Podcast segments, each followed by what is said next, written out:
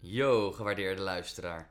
Welkom bij de Neuro Reset Podcast. De podcast waarin we elke maand praten met een expert over zorg en welzijn. Met een kritische en nuchtere blik dagen we onszelf en jou uit om verder te kijken.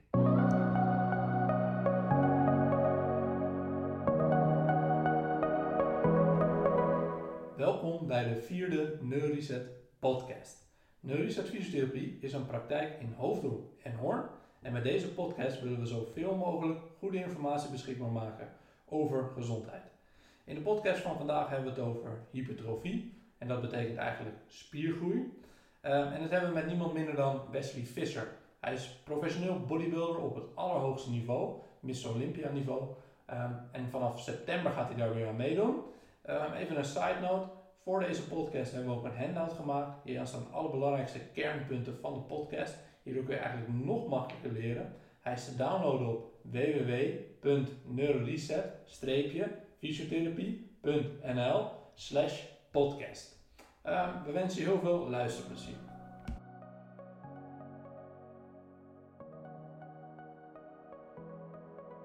Alright, nou welkom Wesley. Ehm, voor de luisteraars, ik volg Wesley eigenlijk al, al best wel lang, een aantal jaar. Eh, sinds Dutch Bodybuilding. Wanneer was dat? eh? Eh, ja, dat is al een tijd geleden natuurlijk. Ik heb mijn eerste wedstrijd in 2013 gedaan. Ja, ik wist dat ja. ik daar een topic had om een progressie bij te houden. Ja. Nog voor die wedstrijd, dat is al echt een aantal jaar dat was voor geleden. de Flex Cup, toch? Ja, dat was voor Ja, flagship ja, inderdaad, klopt. ja. En, en hoeveel kilo woog je toen ongeveer? En ik weet nog precies, gewoon 84 kilo op die Ah, wedstrijd. Ja, Ja, ja, ja, ja, cool hoor. Ja. En ehm, ja, kun jij eh, ook voor onze luisteraars wat meer over ehm, ja, jouw achtergrond vertellen en jouw, ehm, ja, jouw reis door de, de bodybuilding eigenlijk heen? Eh, ik ben met, eh met überhaupt sport in een sportschool begonnen toen ik 14 was. Ja. Ja, 13, 14. Dat was ook de zogenaamde legale leeftijd waarop je daar mocht Ja, krachttrainen beginnen. Alleen eh, mijn vader heeft altijd bodybuilding of krachttraining gedaan. Nooit bodybuilding wedstrijden, maar hij zag er wel altijd groot uit. En als jonge jongen kijk je natuurlijk wel tegenop van, nou, zo wil ik eigenlijk ook worden. Ja, tuurlijk. En dat hij toen nog steeds trainde, was het heel makkelijk om voor hem om mij mee te nemen naar de sportschool en uit te leggen hoe alles nou moest. Maar we waren wel eh, in ieder geval vanuit zijn punt slim begonnen, omdat ik niet gelijk begon met alle losse gewichten, niet squatten of zo. Mhm. Maar eerst gewoon een paar machines, wat cardioapparaten, gewoon de sfeer in de gym een beetje leren proeven hoe het nou is om daar te trainen. En op een gegeven moment ga je zelf willen dat je andere oefeningen gaat doen. En toen, ja, toen was ik 14 en dan zie jij op het begin nog niet veel gebeuren. Dus het Ja. was eigenlijk niet echt zo leuk voor mij op het begin. Ik denk van ja, het kost moeite, maar ik zie niks. Ja, Dat is voor niemand leuk. nee. Tot je op een gegeven moment wel progressie gaat zien in kracht en ook hoe je eruit ziet. En toen begon het leuk te worden. Dus ja, eigenlijk eh, toen ik 15, 16, 17 werd, toen ging het eigenlijk al best snel. Toen ik rond de 18 was, toen eh, vroegen eigenlijk al mensen aan mij die gewoon 30, 40 waren van ja, wat doe jij helemaal zo groot te worden? Ja, en voor mij was het gewoon, ja, ik train gewoon. Ik vind het leuk. Ik vind het leuk om sterker te worden. En, eh, Was je toen ook al bezig met voeding? Of dat toen nog helemaal niet Ah, eigenlijk. Ik had natuurlijk wel, ik was een keer naar de Fibo geweest en ik heb daar een pot eiwitten gekocht. Maar ja, dat was alleen maar na de training een shake. Ja. En voor de rest eet je wat je wil voor gedurende de dag Ja. wanneer je Ja. honger had. En ik was ook echt heel erg droog van mezelf. Omdat ik gewoon at wat ik, waar ik zin in had. En ik had eigenlijk nooit echt super honger.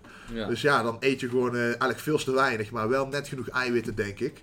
Maar voor de rest had ik nog niet op mijn voeding gelet. Maar ik werd wel best wel gespierd. In ieder geval, ze zag er wel uit. Dus ik, eh, toen had ik al be- bedacht van, ik heb hier wel de genen voor om er iets mee te kunnen gaan doen. En toen ik eh, 20 werd, toen deed ik mijn eerste wedstrijd. Alleen die had ik nooit gedaan als niet iemand tegen mij zei van, je moet eens een keer een wedstrijd gaan doen.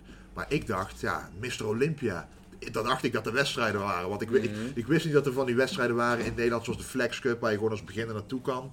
Ja. Dus ik denk van ja, je moet als Ronnie Coleman zijn, wil je een Ja, beetje kans tuurlijk. maken daar zo. En dat is ook helemaal niet wat je ambieert, denk ik, hè? Nee, ze- fysiek als eh, Nee, maar de open bodybuilding. Klopt, ik, ik wou zo niet, eh, sowieso nu ook niet worden. Maar toen ik dat vroeger zag, toen was ik wel echt gemotiveerd van wow, check hoeveel gewicht hij pakt. En eh, Ja, ik wist, op dat punt was hij ook 25 jaar ouder dan mij. Ik denk, ja, het gaat bij mij best snel. Als ik door blijf gaan, op een gegeven moment eh, bereik ik dat misschien wel. ja, dat denk je dan op, op zo'n jonge leeftijd. Maar toen dat de progressie gewoon lineair blijft doorgaan. ja, precies, dat denk je dan. Want dan gaat het zo makkelijk en snel. Het gaat eigenlijk bijna vanzelf, voor je gevoel. Tot op een gegeven moment op een stop komt. En met mijn eerste wedstrijd, toen begon ik pas met mijn voeding iets te gaan doen. En dat was omdat ik toen een coach eh, kreeg eigenlijk. Want hij zei, als jij die wedstrijd gaat doen, ga ik jou gratis coachen. En toen had ik aan mijn ouders verteld van, ja, zal ik het doen? Wat vinden jullie ervan? Toen zei ja, daar moet je voor, gewoon voor gaan. En toen had ik hem inderdaad gedaan en dat ging in één keer zo goed eh, dat ik de overal won van mijn eh, klasse. De eerste En- wedstrijd. ja, precies. Ja. En als je dan de eerste keer wint, ja, dan wil je natuurlijk wel doorgaan. Dan wil je weer winnen natuurlijk. En toen begon het eigenlijk heel mijn... eh, En was dat vlak voor die wedstrijd ook eh, dat je toen pas echt met voeding begon? Of was je toen al wel iets langer bezig met, eh, met voeding? Nou, ik was, ik was denk ik het jaar voordat ik de wedstrijd deed al wel een beetje meer bezig met voeding. Ik begon al wel wat meer kwark te eten en te beseffen waar ook de eiwitten in zitten en eh, waar de calorieën in zitten. Maar op een gegeven moment dan eh, ga je die wedstrijd prep in en dan ga je echt een schema krijgen van zo'n Mhm. coach en dan ga je dat gewoon echt volgen. En toen besefte ik, als je echt die voeding eh, dag tot dag volgt, wat voor verschil dat heeft op jouw fysiek. Want ik werd droger, maar ik groeide tegelijkertijd naar de wedstrijd toe. Ja. En dat is iets wat heel veel mensen altijd al willen, maar dat gebeurde toen. En toen besefte ik, ja, voeding is gewoon de sleutel tot succes in bodybuilding. Ja, ja. Ja. Ja, En is dat ook de reden dat je daar toen achter kwam dat je dan voeding en diëtiek bent gaan doen? Ja, dat klopt inderdaad. Eh, omdat ik zag eh, dat het heel je lichaam kan transformeren en dat je gewoon beter voelt. Je voelt je gezond. Ik voelde me zelfs op de dag van een wedstrijd heel erg fit. Oké. En doordat ik me zo voelde, dacht ik, ik moet hier iets mee gaan doen. Op dat moment deed ik nog communicatie en multimedia design. Iets heel anders als bodybuilding ja. natuurlijk. Maar ik, dat deed ik al drie jaar. En ik denk van ja, nu is het jaar dat de stage aan gaat breken. Maar ik kon letterlijk geen enkel bedrijf vinden waarvan ik dacht, dat ga ik, dat ga ik interessant vinden. Want als je stage doet, dan zou een reflectie moeten zijn van de toekomst, wat je dan zou kunnen gaan doen. Ja. En ik vond niks interessant, dus ik denk, ik moet iets anders gaan doen. Mhm. En toen kwam die wedstrijd en toen denk ik van ja, voeding vind ik zo interessant, daar moet ik iets mee gaan doen. En toen kwam eigenlijk voeding en diëtiek eh, als, eh, als ja, uit de bocht, zeg maar, van dat is eh, iets waar ik geïnteresseerd in ben om iets Ja. mee te gaan doen, ja. En kwamen daar tijdens die opleiding veel. Ehm, ja, hè, eh, was je het veel eens met eh, de dingen die op die opleiding werden verkondigd? Of waren er ook dingen dat je dacht van, nou, dit is. eh Ja, het, ik e- er zelf over denk? Of, ja, het eerste jaar, dan krijg je gewoon echt de basics van Mhm. ja, hoeveel calorieën is eiwit en koolhydraten en dat Ja, soort dingen. ja, maar dat wist ik toen al. Ik had, had al wat onderzoek gedaan. En eh, dus het eerste jaar ging eigenlijk vrij makkelijk. Alleen het tweede jaar begint het ook te hebben over hoeveel eiwitten heeft een sporter nodig. Ja, en Ja, ja. Op dat punt waren natuurlijk wel een beetje on, eh, ja, dat ik het niet allemaal mee eens was. Mhm. Want hun gingen uit van een minimale hoeveelheid eiwit. En zelfs dat een gemiddelde Nederlander maar 0,8 gram eiwitten per kilo nodig heeft. Maar dat is puur om te overleven, om me gezond te voelen, maar niet voor een bodybuilder. Ja, precies. En zelfs de sportrichtlijnen die gingen maar tot 1,7 gram per kilo. Nou, ik zit er eigenlijk rond de 3 gram al. En, maar dat is nergens in de literatuur eigenlijk Mhm. beschreven als bodybuilder zijn en wat je dan nodig hebt. Dus daar was wel een beetje in van ja, daar ben ik het niet helemaal mee eens. Dat je dat voor iedereen, voor iedere krachtsporter zomaar kan stellen. Maar ik had wel veel geleerd in hoe kom je nou tot zo'n conclusie vanuit literatuur gezien, tot, Ja. die, tot die hoeveelheid. En daar leer je wel van dat, ja, dat het bij sommige sporters wel geldt, maar bij mij bijvoorbeeld niet. Ja. En ben je daar ook, eh, we hadden het er net over, dat je eigenlijk geen vlees eet. Ben je, dat, eh, ben je daar ehm, tot die conclusie gekomen op de opleiding of later? Eh, ik ben naar, eh, na, na mijn eerste wedstrijd ben ik daar tot de conclusie gekomen. Omdat ik, eh, ik wilde na mijn eerste wedstrijd was ik ook geïnteresseerd geraakt in plantaardig voedsel. En dat komt ook omdat mijn moeder heeft een eh, progressieve eh, ziekte, dat heet MS. Mhm. En dat wil zeggen dat, jij dus, eh, dat jouw zenuwen, ontsteking Ja. ja, steeds erger worden. Ja. En ik kwam erachter dat, en zij zelf ook, dat vlees en dierlijke producten ontsteking bevorderend zijn. Dus we gingen gewoon proberen, we gaan het gewoon plantaardig proberen. Gewoon alles plantaardig Mhm. en kijken wat er gebeurt. En toen hadden we nieuwe foto's in het ziekenhuis gezien en toen werden de hersenen gewoon minder, eh, minder plekken waren te zien. En dat wil zeggen dat het gewoon achteruit gaat qua Mhm. eh, dat het erger wordt. Dus het wordt minder erg. Ja, En ja, terwijl ja. het een progressieve ziekte is waar je van verwacht dat het erger wordt. Mhm. Dus toen zei de dokter van, hoe kan dat? Dat hebben we, hebben we eigenlijk nog nooit gezien. En ze nam nog niet eens de sterkste medicijnen ervoor, maar het was echt de voeding die dat deed. En toen, omdat ik haar wou motiveren om dat vol te houden, had ik het zelf ook gedaan voor zes maanden. Maar ook tegelijkertijd een experiment om te kijken van, nou, kan je spier behouden als bodybuilder zonder vlees te eten, zeg maar. Wat heel Ja. veel mensen als onmogelijk achten. Maar toen had ik dat gedaan en toen besefte ik, ja, het kan wel gewoon. Alleen toen kwam er weer een wedstrijd om de hoek kijken. En daarvoor heb je wel droge eiwitten nodig. En plantaardige producten, die hebben altijd wat vet of Ja, koolhydraten aan tuurlijk. toegevoegd. Of in ieder geval automatisch in het product. Mhm. Zoals een sojaboon altijd wel extra vet heeft. Ja. Maar, eh, dus ik ging daar eigenlijk voor de vis om eh, mijn droge eiwitten aan te vullen voor de wedstrijdvoorbereiding. Maar ik heb sindsdien nooit meer kip of vlees of steak gemist in mijn Oh. dieet. Dus mijn eiwitteninname ging steeds verder omhoog. En ik merkte gewoon, ja, met vis merk ik eigenlijk helemaal niet dat mijn maag vol zit. Ik heb geen last van mijn darmen of zo. En ik vond het gewoon heel lekker. Dus ik denk van, ja, waarom niet? Waarom ga ik het niet gewoon zo doorzetten? Want wat voor plantaardige producten had je dan voornamelijk? Eh, ik, ik deed ook veel combinaties tussen kikkererwten, sojabonen, bruine rijst. Maar altijd wel een soort van vleesvervanger erbij. Zoals die vegetarische kipstukjes of Ja. een vegetarische burger. Waar je wel natuurlijk naar de macronutriënten kijkt. Verder moet er wel een beetje eh, rond de 15, 20 gram eiwit per 100 gram in zitten. Niet te veel vet, niet te veel koolhydraten.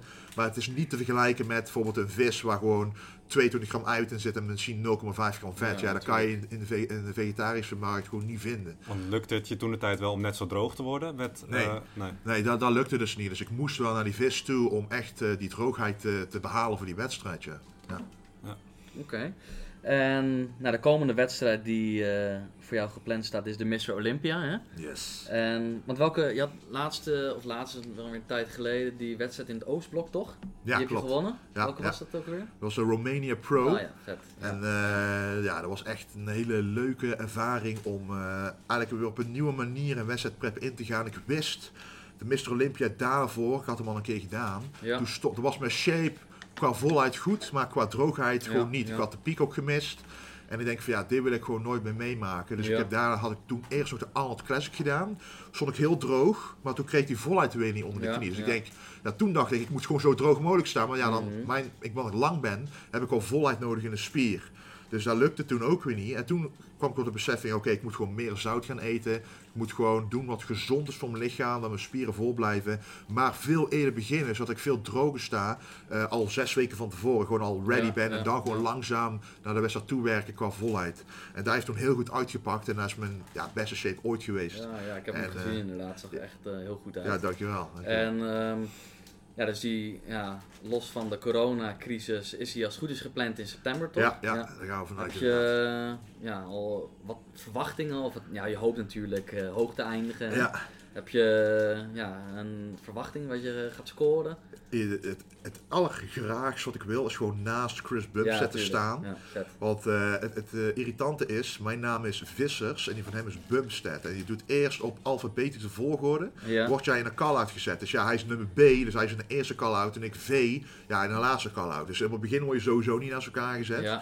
Dus je moet al goed genoeg zijn, want hij wordt toch in de eerste call-out gezet bij, als we gaan kijken wie is de top 5 of de top 6. Ja, ik wil daar Mhm. gewoon bij zitten. Ja, ik wil minimaal die top 6 halen, zodat ik in dezelfde call-out als hem sta, naast de beste van de wereld te staan en dan kijken, ja, hoe zie ik er nou uit Ja. ten opzichte van zo'n gast. Ja. Want dat is gewoon heel moeilijk om met foto's te vergelijken, Ja. want dat is altijd gewoon heel anders. Ik denk dat, Ja. dat ja, met jou denk ik dat iedereen heel benieuwd is naar hoe je naast hem staat. Ja. Ik volg hem ook al een tijdje.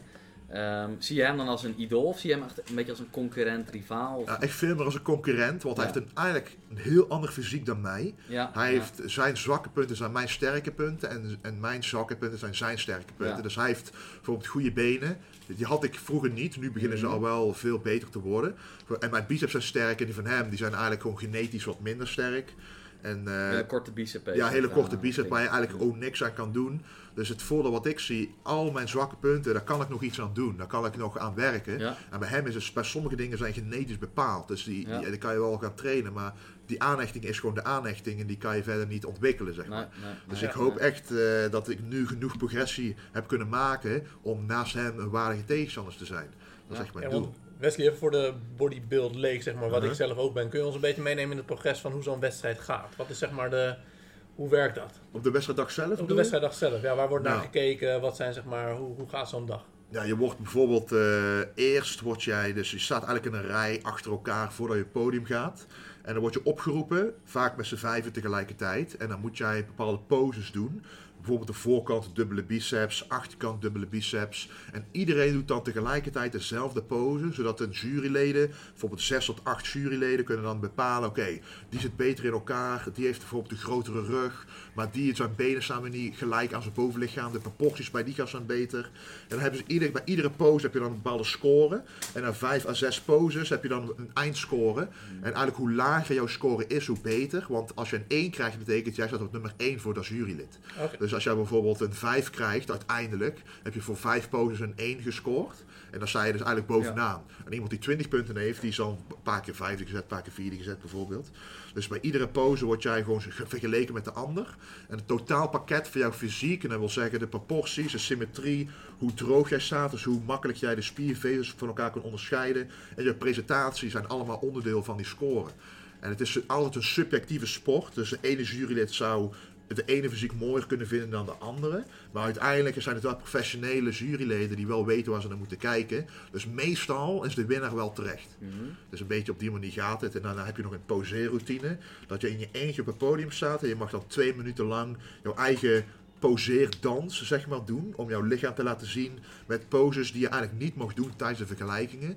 Dat je bepaalde poses kunnen wel beter voor jou zijn, maar die mag je dan niet laten zien in de vergelijkingen, want die zijn niet officieel. Maar die kunnen wel goed uitkomen voor jouw fysiek in een routine. En dan mag Dus- je zelf bepalen welke je doet. Ja, dan mag je zelf alle poses bepalen. Je mag je eigen muziek bepalen. Dus voor twee minuten poseer je eigenlijk op een muzieknummer van jouw keuze. En je mag de pose zelf bepalen. En dan, eh, als je een applaus krijgt, dan, eh, dan ben je al heel blij natuurlijk. Want dan, eh, dan lig je Ja. goed in het publiek. Ja, En ben jij het, eh, dus, dus in de classic eh, divisie waar jij dan eh, in uitkomt, zeg Mhm. maar, ben jij het over het algemeen dan dus eens met de criteria van de jury?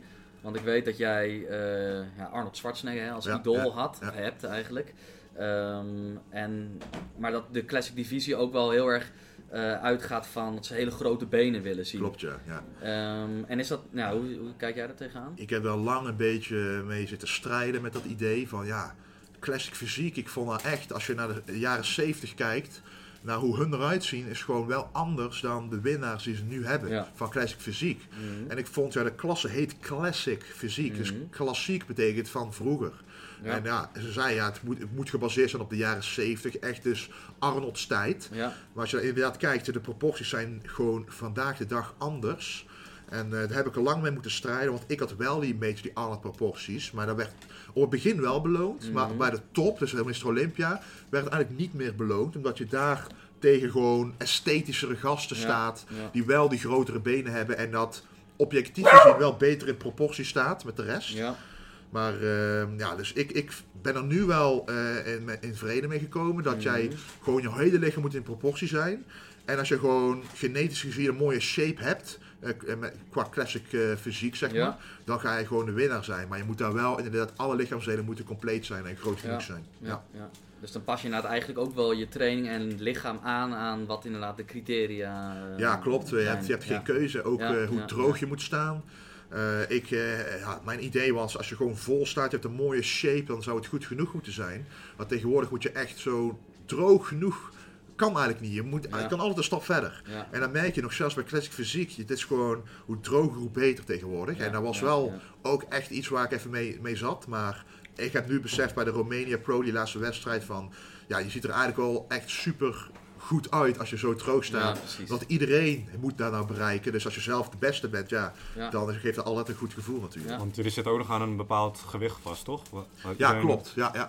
Dus voor iedere lengte, en ik ben een van de langere van de, van de deelnemers, dan mag jij een bepaald gewicht wegen. Dus ik mag maximaal 112 wegen. Maar iemand die bijvoorbeeld lichter dan mij weegt, of eh, minder lang is dan mij, die mag bijvoorbeeld 108 kilo wegen.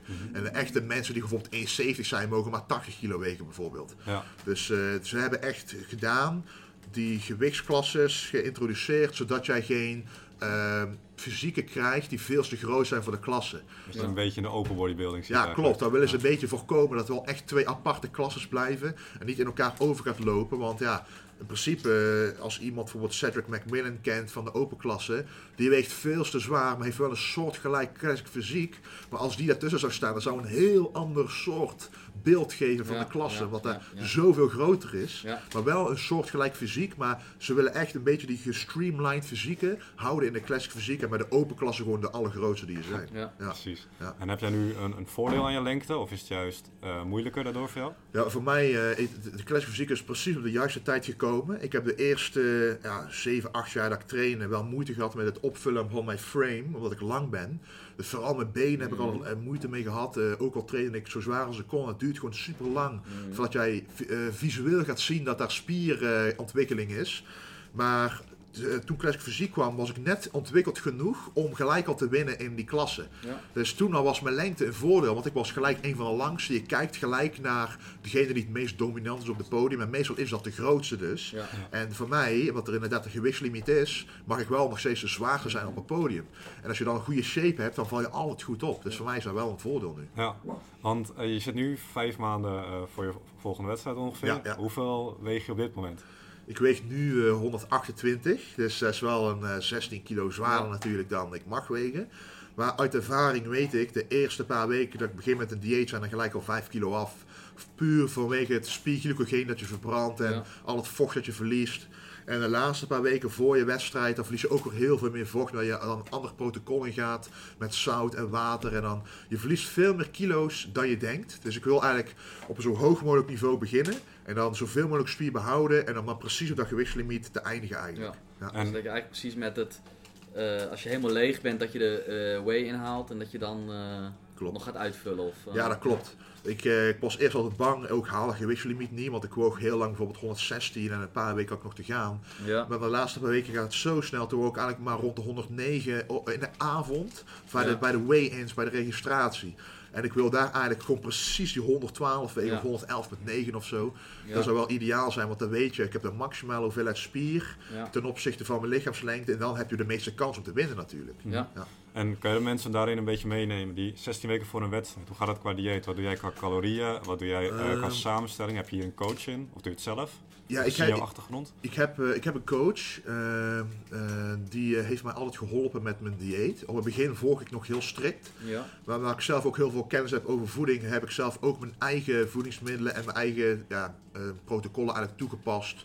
Bijvoorbeeld dat jij, eh, als je 16 weken lang een wedstrijddieet hebt, heb je bepaalde dagen dat je meer koolhydraten eet dan de andere dagen. Dat Ja. noemen ze ook wel carb cycling. Dus het, Mhm. het, eh, het, eh, eigenlijk het omwisselen van bepaalde hoeveelheden koolhydraten die je eet. Als je benen traint, dan eet je bijvoorbeeld meer koolhydraten dan wanneer je een rustdag hebt. En op die manier eh, vul je zelf de hoeveelheid koolhydraten in met bepaalde voedingsmiddelen zoals havermout en rijst. En iedere dag is iedere maaltijd qua voedingsmiddelen precies hetzelfde. Voor 16 weken lang, zes maaltijden per dag. En er wordt steeds en steeds minder qua hoeveelheid. Dat je merkt, oké, na, na drie weken heb je een bepaald plateau bereikt. Je wil dat het weer sneller gaat. Dan haal je weer 200 gram eh, of 200 calorieën eraf. Of Ja. 300 calorieën eraf. En op een gegeven moment heb je echt heel weinig over. Dus dat je van mij, van mij doen, als ik onder de 3000 calorieën zit, Ja. is dat voor mij al heel erg laag. Ja. Want ik verbrand dat al zonder iets te doen. Gewoon als ik in de bank zit, dan verbrand ik dat al om spiermassa te onderhouden. Dus eh, op, het- op het einde moet je je voorstellen, dan heb je maaltijden zoals eh 250 gram eh, witvis. Met 50 gram spinazie en 50 gram avocado. En, eh, en eh, dat, dat was het eigenlijk. En dan heb je dan vier maaltijden zo achter elkaar. En dan ben je blij als je een zalmpje ergens eh, tussen Mhm. hebt staan. Maar dan was het eigenlijk wel, wel ja, voor de meeste maaltijden. Maar je doet dan ook nog een uur cardio in de ochtend erbij. En natuurlijk je, je, je krachttraining moet even zwaar blijven als Ja. voorheen. En dat wordt steeds en steeds moeilijker. Want je zaagt jezelf letterlijk helemaal leeg omdat je geen koolhydraten tot je neemt. ja. Dus, eh, maar dat is tegelijkertijd ook wel een, eh, een uitdaging die ik eh, graag wil aanvaarden. Omdat je dat heb je nodig om zo droog te worden. Dus je weet, oké, ik heb honger, yes, ik gaat, het gaat goed, ik verbrand vet, zeg maar. ja. Dat is het tegenovergestelde wat heel veel mensen natuurlijk Ja. denken. Van die, willen, die willen zich gewoon goed voelen en vol voelen en energiek voelen. Maar die twee kan je niet in combinatie hebben met super droog zijn. Nee, dat bestaat echt droog wordt. Nee, precies. nee, dus ja, zo'n wedstrijdprep is gewoon objectief gezien heel zwaar. Maar voor mezelf vind ik het alleen maar leuk. Omdat ik mezelf iedere dag zie veranderen. Je ziet je shape veranderen. Je wordt wel zwakker in de gym. Maar je doet het toch voor een uiteindelijk doel. En je hebt het Ja. zelf gekozen. Dus eh je kan maar beter niet erover eh, gaan zeuren, zeg maar. Want, motivatie is wel hoog. eh, ja, precies. Motivatie is heel erg hoog. ja. En ehm, is dat carb cycle, heeft dat ehm, nog meer voordelen ten opzichte van, gewoon van een ja, traditioneel dieet in een calorietekort? Ja, ik vind van wel, omdat je met een carb cycle, als je op een hoge dag zit, dus als je meer koolhydraten eet, dan zeg je eigenlijk tegen je lichaam op dat moment, ah, ik krijg eigenlijk best wel veel koolhydraten binnen, dus je hoeft niet je metabolisme aan te passen omlaag om vet te behouden. Ja. Want als je kijkt, je lichaam is een survival mechanisme, die wil Ja. altijd zoveel mogelijk energie behouden in de vorm van vet, maar dat willen we juist verbranden. Mhm. Dus zo'n hoge dag, dan, dan eh, ja, je, eigenlijk je trekt je lichaam in het denken dat je genoeg voeding binnenkrijgt. Zodat je op de lagere dagen, als je minder koolhydraten binnenkrijgt, je lichaam nog steeds dat denkt, maar wel veel meer verbrandt, omdat je dan minder koolhydraten binnenkrijgt. Ja, ja. Dus die hoge dagen zorgen ervoor dat je metabolisme eigenlijk op een hoger pitje blijft staan. En dat je dan ook een beetje uit kan kijken naar zo'n dag. Van ah, ik heb dan weer een hoge dag, dus die la- lage dagen kan ik wel even tegenaan. Want je weet dat er op een gegeven moment weer een hoge dag aankomt. En daar kan je veel meer van genieten dan een lage dag natuurlijk. Dus dat is mentaal ook wel makkelijker, vind ik, dan een eh, traditioneel dieet waar altijd alles hetzelfde is. En hoeveel verschil zit er dan in, in een eh, hoge of lage dag? Ja, op het begin kan dat echt eh 200 gram koolhydraten zijn, dus al 800 Ja. calorieën, dat is best wel veel. Dus dan bijvoorbeeld op een benendag heb je dan 400 gram koolhydraten en op een rustdag bijvoorbeeld 200 gram. Alleen die verschillen die worden eigenlijk steeds kleiner, omdat je op een gegeven moment zit jij op 50 gram koolhydraten op de lage dag en ongeveer op eh 200 max koolhydraten op een eh, hoge dag. Ja, Dat verschil zat maar 150 in één keer, op een gegeven moment naar maar 100 ertussen. Maar dat komt doordat jij relatief gezien ga je steeds lager in, in eh, calorieën, in totale Ja. calorieën. Dus relatief gezien zou het verschil tussen de koolhydraten eigenlijk weer groter, omdat jij zo weinig calorieën hebt. Dan is ieder verschil merkbaar, zeg ja, maar. ja. Als jij ook al heb je maar één maaltijd met een beetje meer calorieën, dan ben je al heel blij dat je dat mag hebben. En haal je altijd al die, dus ook als je op een hoge dag zit, alles altijd uit eh, ja, de schone voeding, zeg maar. Ja, altijd alles uit Ja. de schone voeding dus. Al Het enige verschil is als ik op een lage dag bijvoorbeeld eh 20 gram rijst mag, dan mag ik op een hoge dag 80 gram rijst. Ja, Dus ik ja. doe het echt alleen maar gebruikmakend van de voeding die ik al eet. En ik verhoog gewoon de koolhydraatrijke voeding met meer grammen. Dat is eigenlijk het enige verschil. Dus in een wedstrijdvoorbereiding heb je helemaal geen cheat maaltijden of, Nee. of momenten. Nee, eigenlijk niet. En niet. eh, ja, zoals nu ben je nog off-season. Ja. Ehm, heb je dan een, een vast moment dat je dat wel doet, of doe je dat ook helemaal niet dan? Ja, off-season doe ik het wel vaker. Eh, dan als je ergens een keer zin in hebt, dan mag je dan nu ook gewoon eten. Ja. Want ik ben van mening, als je heel het jaar lang wel zo strikt zou leven, dan zou jij zo'n wedstrijd nooit volhouden. Want zo'n wedstrijd prep moet je ook mentaal denken van yes, na die 16 weken mag ik weer een keer eten wat ik wil. Ja, en als je dan ook nog niet eens meer mag, dan denk je van ja, waar eindigt het zeg maar. Hè? Dus deze periode zie ik wel als een beetje meer vrijheid, wat meer hier en daar gewoon als je naar een restaurant gaat. Ik ga niet eh, tellen hoeveel calorieën ik daar eet, Nee. ik eet gewoon wat ik wil. En dan heb je ook gewoon een periode van meer vrijheid. En dat je lichaam ook veel, veel heftiger reageert op een wedstrijddieet. Wanneer je wel weer lager in die calorieën gaat en iedere dag strikt is, reageer je er ook veel beter op als wanneer jij heel het jaar door zijn. Ik denk Dus, ook dat het ja. hormonaal wel goed is om af en toe inderdaad wat eh Ja, zeker. iets losser te hebben. Ja. zeker. eh, Ook vooral, eh, je hebt ook je, natuurlijk je hormonen zoals testosteron, maar ook hormonen Ja. die je hongergevoel bepalen. En die hongergevoelhormonen die moeten wel in balans blijven. En dan moet je wel dus soms een keer aan toegeven in de off-season als, je, als jij een beetje normaal eh, wil voelen, zeg Ja. maar. Je leptine is dat toch? Ja, klopt, ja, ja, ja. En naast eh, de voeding, eh, zijn er ook bepaalde supplementen eh, die je gebruikt of die belangrijk zijn? Ik vind supplementen zoals omega-3 wel heel belangrijk. Als bodybuilder en vooral in wedstrijd prep ben je niet altijd even gezond bezig. De voeding die je binnenkrijgt, als je zo bedenkt, avocado, spinazie, witvis, zalm, allemaal gezonde voedingsmiddelen. Maar omdat je zo diep zit in je prep en je hebt zo weinig vet en je traint nog steeds zo hard. Op een gegeven moment gaat jouw lever en nieren en jouw bloedwaardes ook zeggen van ja, zitten niet meer helemaal binnen de range. Ja. Dus wat je dan wil eh, doen, is wel supplementen pakken die dat een beetje opkrikken. Zoals omega-3, wat heel goed is voor jouw triglyceride en cholesterolwaardes Ja, bijvoorbeeld. Ook bijvoorbeeld bepaalde leversupplementen, dat je lever ook gewoon kan bijbenen om alle afvalstoffen van de training te kunnen verwerken. Maar dat soort supplementen vind ik wel belangrijk. En ik neem ook altijd meestal een multivitamine normaal gedoseren, zodat ik altijd kan bijvullen als ik een keer iets mis. Want als je heel hard traint, je maakt ook niet alleen suikers op, maar ook bepaalde eh, micronutriënten die je gewoon Ja. letterlijk verbruikt tijdens het trainen.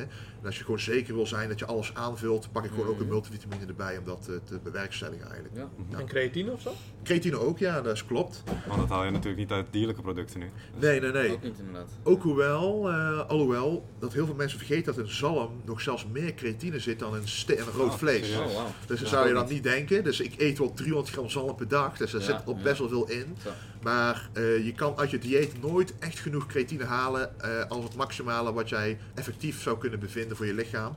Dus ik neem inderdaad ook een extra creatine supplement erbij.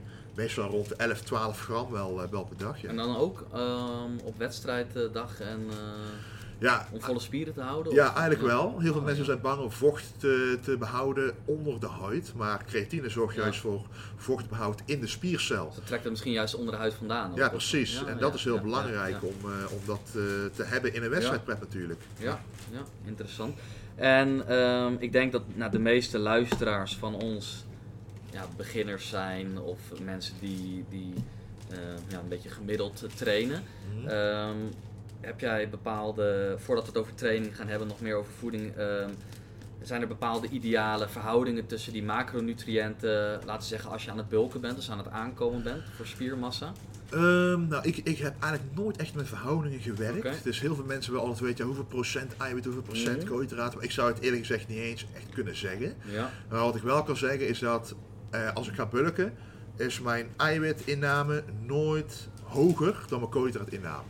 Dus eh, bijvoorbeeld, ik neem nu al bijna 400 gram eiwitten in. Ja. Maar dat betekent dat mijn koolhydraatinname minimaal die 400 moet zijn. Maar die is Ja. nou eerlijk gezegd rond de 600, 700 gram wel. En mijn vetten zijn ook altijd hoger dan men verwacht. Die zitten ook wel rond de 150, 160 gram per dag. Wat eh, heel veel bodybuilders denken, eh, die nog niet zo ervaren zijn dat vet niet goed is voor spierbouw. Ja, Dat het eigenlijk meer zorgt voor het aankomen van vet. Dat het te veel calorieën zijn om er iets mee te kunnen doen. Maar juist voor spieropbouw is vet ook heel belangrijk. Dus eh, mijn vetten zitten relatief hoog gezien. Mijn eiwitten denk ik ook wel. En de koolhydraten zitten misschien wel iets lager als je het vergelijkt met de percentages van andere diëten. Dus ik denk dat, ik, eh, dat mijn dieet eh, qua vetten wel vooral het hoogste zit bij eh, de vergelijking met andere diëten. Ja. En is dat dan, hoeveel zei je, 2 gram, of, eh, 2 gram vet per kilo lichaamsgewicht dan? Of, Nou, dat nog net niet. Ik denk eerder Anderhalf. anderhalf, Ja, ja. zoiets. En dan mijn eh eiwitinname is wel 3 gram per Ja, kilo. ja. En dan eigenlijk met de koolhydraten vul ik de rest op. mhm. Dus eh, ik kijk gewoon iedere, ja, iedere dag weeg ik mezelf. En ik kijk als ik heel lang hetzelfde blijf wegen. Het enige wat ik dan ga veranderen is hoeveelheid koolhydraten. Dus die ga ik dan een beetje opschroeven per Ja. maaltijd. Vooral in het ontbijt of na de training iets meer koolhydraten. En als ik dan eh, op een gegeven moment, eh, dan kom ik weer aan en dan, eh, ja, dan gaat het eigenlijk goed. En dan als het echt extreme gevallen zijn, dat ik echt niet aankom, ook al na toevoeging van koolhydraten, wat ook wel eens een toevoeging van vet zijn bijvoorbeeld. Ja. Maar dat is meer een later stadium. En wat is een, gemiddeld, een gemiddelde richtlijn voor nou, een, een gemiddelde sporter om bij het bulken aan te komen? Is dat per week een, 250 gram? Of, eh, Ja, ik vind als jij meer dan 500 gram per week aankomt, dan kan je er eigenlijk wel van uitgaan dat een groot deel daarvan ook vetmassa Ja, is. ja, Omdat ja. ja, als, je, als je bedenkt, als je dan heel het jaar 500 gram per week aankomt, dan ben je in één keer eh, ja, 20 kilo zwaarder aan het eind. tuurlijk. Dat kan nooit allemaal spier zijn. nee, nee. Dus ik vind, dat doe ik altijd als ik schema's maak ook. Ik zeg, als jij meer dan 500 gram aankomt per week, dan moeten we wel je koolhydraten wat omlaag bijstellen. Ja, Dus het, ik vind altijd slow en steady vind ik het beste in bodybuilding. In plaats van dat je super hoog gaat in de calorieën. En je komt in één keer 10 kilo aan en dan val je, weer af ja, dan val je weer af en dan ben jij 9 kilo lichter en dan ben je Ja. 1 kilo aangekomen in al die maanden, zeg maar. Dat wil je Ja, ook weer ja, niet. ja, ja, Dus je wilt ja, gewoon heel ja. langzaam doen. En alles wat je dan aankomt is misschien ook wel kwaliteitmassa. Ja, En daar ga ik zelf ook voor. ja, duidelijk. Ehm, nou, ik denk dat we het eh, over de hypertrofie gaan hebben tijdens de training. Uh-huh. Ehm, En revalidatie. en revalidatie. Kun jij aan onze luisteraars uitleggen wat hypertrofie is? Nou, hypertrofie is eigenlijk een eh, deftig woord voor spiergroei. Dus Ja. eh, als je traint, dan wil je een stimulans geven aan de spier om de spier te laten groeien eigenlijk. Ja, En die stimulans moet wel hoog genoeg zijn. Dus je kan bijvoorbeeld eh, ja, 100 keer bodyweight squats doen. ja. Maar dat is te licht. Je moet wel een Mhm. bepaalde hoeveelheid spanning op de spiercellen zetten. Willen ze een impuls krijgen om te gaan groeien. Omdat je dan, de hersenen denken dan eigenlijk, oké, dit keer was het wel wat zwaarder. Dus Ja. de volgende keer wil ik het makkelijker aan Mhm. kunnen. En dan ga je spier eigenlijk Ja. groeien. Zodat die meer spanning aan kunnen in de toekomst. En eh, ja, daar gebruik je eigenlijk training voor. En natuurlijk ook voeding om dat weer eh, te bewerkstelligen. Ja, er zijn twee, ehm, ja, twee soorten hypertrofie. Hè? Echt een toename van die actine en myocine deeltjes. De Ja. trek, trekkende deeltjes in de spier, toch? Uh-huh. En ehm, ja, hypertrofie waarbij de cel waar meer vocht opneemt. Ja. Ehm, maak jij daar ook in een training eh, onderscheid tussen of, eh, of, of, of, of niet? Ja, ik gebruik wel ook. ehm, kijk, je hebt eigenlijk. Ik, in mijn hoofd heb ik al twee echte losse technieken om hypertrofie te bewerkstelligen. Ja. De ene is gewoon zwaar trainen, gewoon veel Ja. spanning op de spier krijgen. Maar de andere is ook de spieren gewoon heel erg op te pompen eigenlijk. Met, met eh, lichte gewichten, maar wel met meer eh, herhalingen, eigenlijk meer volume. Zodat je op het begin van de training maak je de spier eigenlijk kapot door het gewoon heel zwaar aan te pakken. En dan Ja. die impuls te geven. En daarna zwel je inderdaad de spiercel op. Ja. En door die zwelling geeft je ook weer een signaal Ja. voor hypertrofie. En dan heb je eigenlijk op twee verschillende manieren dat aangepakt. En ik vind ook door die pomp heb je weer een secundaire werking. Dat je ook de voedingsstoffen, omdat er meer bloed eh, doorstroming is door die spier, ook weer aan te voeren aan de spier. Waardoor je uiteindelijk gewoon meer eh, effect hebt van de training. Omdat je herstel ook weer eh, bevorderd wordt. En begin je dan ook ehm, dus inderdaad met zware compound oefeningen? Ja, ja. Ehm, dus voor onze luisteraars, dat zijn bijvoorbeeld een squat, een deadlift. Dat zijn eigenlijk oefeningen die over meerdere gewrichten lopen. Bij de meeste spiergroepen wel, behalve bij benen. Oké. Omdat ik heb een, eh, dat, dat ligt eraan wat voor structuur van je lichaam je hebt. Bijvoorbeeld als ik heel zwaar ga squatten, ligt mijn zwakste link vaak bij mijn onderrug. En dat wil ik ja. dus niet hebben. Ik wil niet mijn onderrug trainen, maar ik wil mijn benen trainen. Ja. Dus wat ik dan doe, ik pak eerst een isolatie van de leg extension en Ja, de leg curl, zodat ik eigenlijk een soort pre-exhaust heb. Ja. Zodat ik ervoor zorg dat dat de zwakke linken worden in de chain als ik een squat Oh, ga ja, doen. Zodat die als eerste opgeven, omdat, ik, als ik, omdat ik best lang ben, als ik omlaag ga en mijn enkels zijn niet flexibel, wil mijn rug ook naar voren gaan buigen. Mhm. Om die een beetje, die, ja, om dat überhaupt weer te Mm. kunnen squatten, dat, dat gewicht. Anders eh, val ik letterlijk om, Ja, zeg maar. ja. Dus, eh, en dan, dat, door die beweging gaat mijn onderrug ook heel veel spanning ondervinden. Maar als ik mijn benen al een beetje heb aangepakt van tevoren, gaan die benen toch al eerder opgeven dan mijn rug. Maar verbetert dat ook die, eh, dus als je inderdaad eerst je, je quadriceps met de leg extension doet, verbetert dan ook dan die mind-muscle connection dat je daardoor ook beter voelt dat je die tijdens een squat kan inzetten? Ja, ik vind van wel. Eh, sowieso bij een squat is het wel lastiger om die mind-muscle connection te hebben. Omdat het echt een compound is waar eigenlijk alle beenspieren bij betrokken zijn. Ja. Maar omdat je dan eigenlijk een pomphal hebt, bijvoorbeeld in de quadriceps, als je dan helemaal omlaag gaat, voel jij fysiek die stretch in de squat, in de quad, zeg maar. En als je dan voelt, dan weet je, oké, ik zo laag moet ik gaan tot ik een stretch voel. En dan is het Mhm. goed. En als jij squat zonder iets te hebben gedaan, ga je omlaag en je voelt wel wat, maar je voelt niet direct die spier eh, specifiek. Maar als je hem hebt getraind van tevoren, dan voel je hem Ja. wel. Dus dan weet je, oké, deze range of motion is voldoende om die quads Mhm. aan te pakken in de squat. En eh, je, als je dat ook kan voelen, dan voel je ook wanneer ze gaan opgeven. In plaats van dat jij gewoon uit je heel je lichaam gaat opgeven. Ja. Als jij gewoon moe wordt van de squats in het algemeen. Ja, ja. En hoe ziet een eh, training er voor jou uit? Hoeveel eh, ehm, spiergroepen training of hoe vaak train je in een week? Ik train zeg maar vier dagen wel en dan één dag rust. En eh, dan, de trainingen bestaan bijvoorbeeld uit eh, rug en biceps. De tweede dag eh, borst en triceps. De derde dag is gewoon benen. En de vierde dag is armen. En dan heb ik een rustdag en dan herhaalt Mhm. zich alles weer. Dus ik heb eigenlijk vier verschillende trainingsdagen. En iedere trainingsdag bestaat wel uit vier à vijf compounds met twee à drie isolatieoefeningen per spiergroep. ja. Dus eh, ja, dan, ik probeer het rond de anderhalf uur te houden. Eh, bij benen kan het soms wel eens twee uur duren, omdat je dan Ja. iets langer moet rusten tussen de sets Mhm. in. Maar ik probeer het niet al te gek te maken, want wat ik dan niet ga kopiëren van Arnold is dat hij drie uur lang achter elkaar gaat Ja, trainen. ja, Ja, ja, dat is voor mij wel iets te veel. Dus eh, ja, mijn training ziet er ongeveer op die manier uit, ja.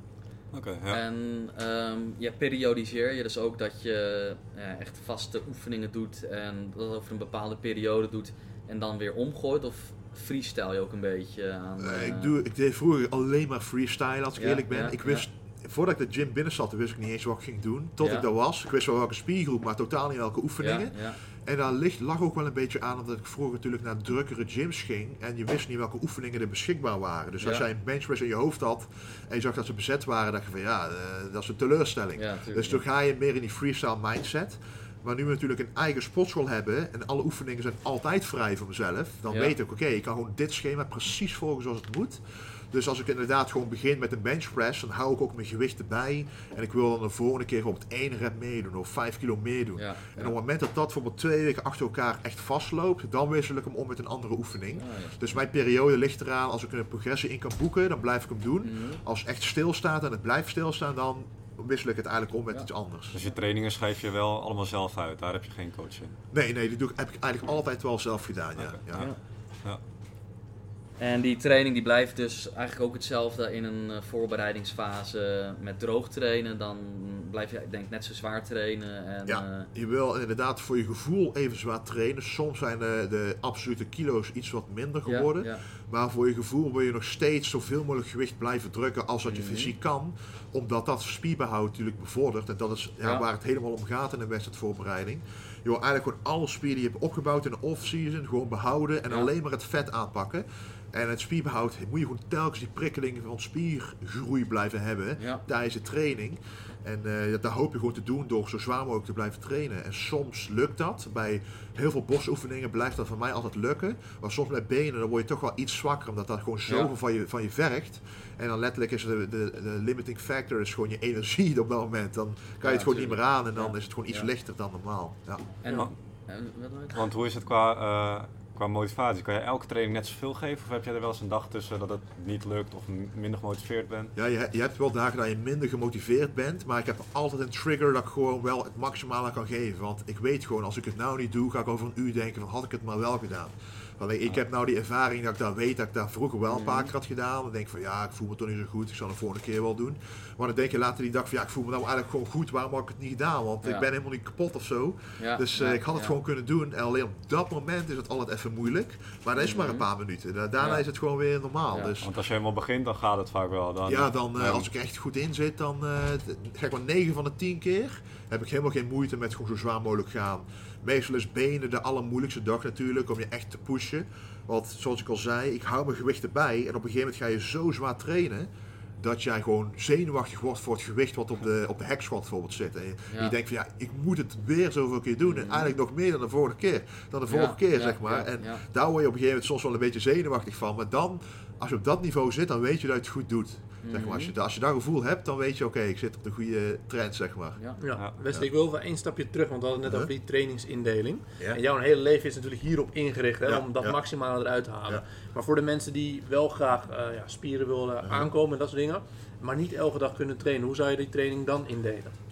Eh, ja, je hebt bijvoorbeeld verschillende soorten trainingsschema's. Ik heb echt een eh, body part schema, zeg maar, body part split. Maar je hebt ook bijvoorbeeld full body eh, trainingsschema's. Dat je bijvoorbeeld eh, drie keer per week traint, als dat je maximale hoeveelheid is die je kan trainen. Maar dan train jij bijvoorbeeld eh, op maandag je hele lichaam. Maar ieder lichaamsdeel heeft dan bijvoorbeeld twee oefeningen. Bijvoorbeeld je begint met de borst, doe je een bench press en een fly. Dan begin je met je rug en doe je een bent over row en een, eh, en een dumbbell row bijvoorbeeld. En dan eh, begin je met je benen. En zo ga je eigenlijk eh, de hele dag eh, door bij die training. Die hoeft ook helemaal niet lang te duren. Maar wat belangrijk is, is dat je dan wel die oefeningen ook bijhoudt qua hoeveel gewicht je deed. Zodat je de volgende keer daarin vooruit kan gaan. Want dat is uiteindelijk het belangrijkste in vooruitgang in jouw krachttraining of in jouw bodybuilding of het spier aankomen. Dat je wel meer doet dan de vorige keer. En dan heb je bijvoorbeeld drie van die full body schema's die je dan in de week plaatst. Dus op maandag, woensdag en vrijdag bijvoorbeeld. En dan heb je iedere keer op maandag die bepaalde training, op woensdag die training en vrijdag die training. Dat je eigenlijk al iedere oefening doet die je normaal gesproken ook zou kunnen doen. Maar dan binnen een kortere tijdframe.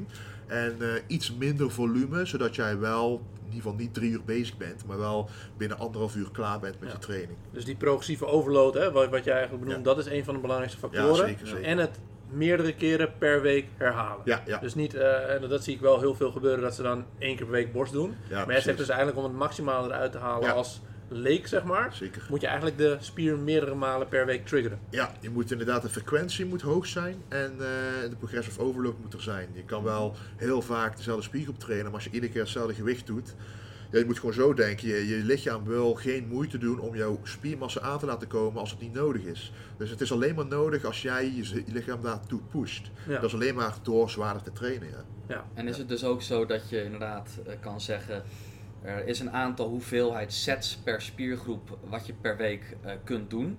En dat kun je doen in twee keer en dan doe je eh, dus iets meer sets of in drie keer en dan doe je wat minder. Dat je inderdaad wel voldoende tijd hebt natuurlijk om ook te herstellen. Ja, klopt. Ik vind altijd, ehm, ik denk nooit bijvoorbeeld in hoeveel sets je per week kan doen, maar meer hoeveel sets je per keer op dat moment kan doen. Dus stel dat je inderdaad in mijn voorbeeld van net die benchpress doet, Ja. doe je een paar sets van tevoren om op te warmen. Die zijn, Mhm. zijn nog niet echt dat je daarvan moet gaan herstellen, die ja. tellen inderdaad niet mee.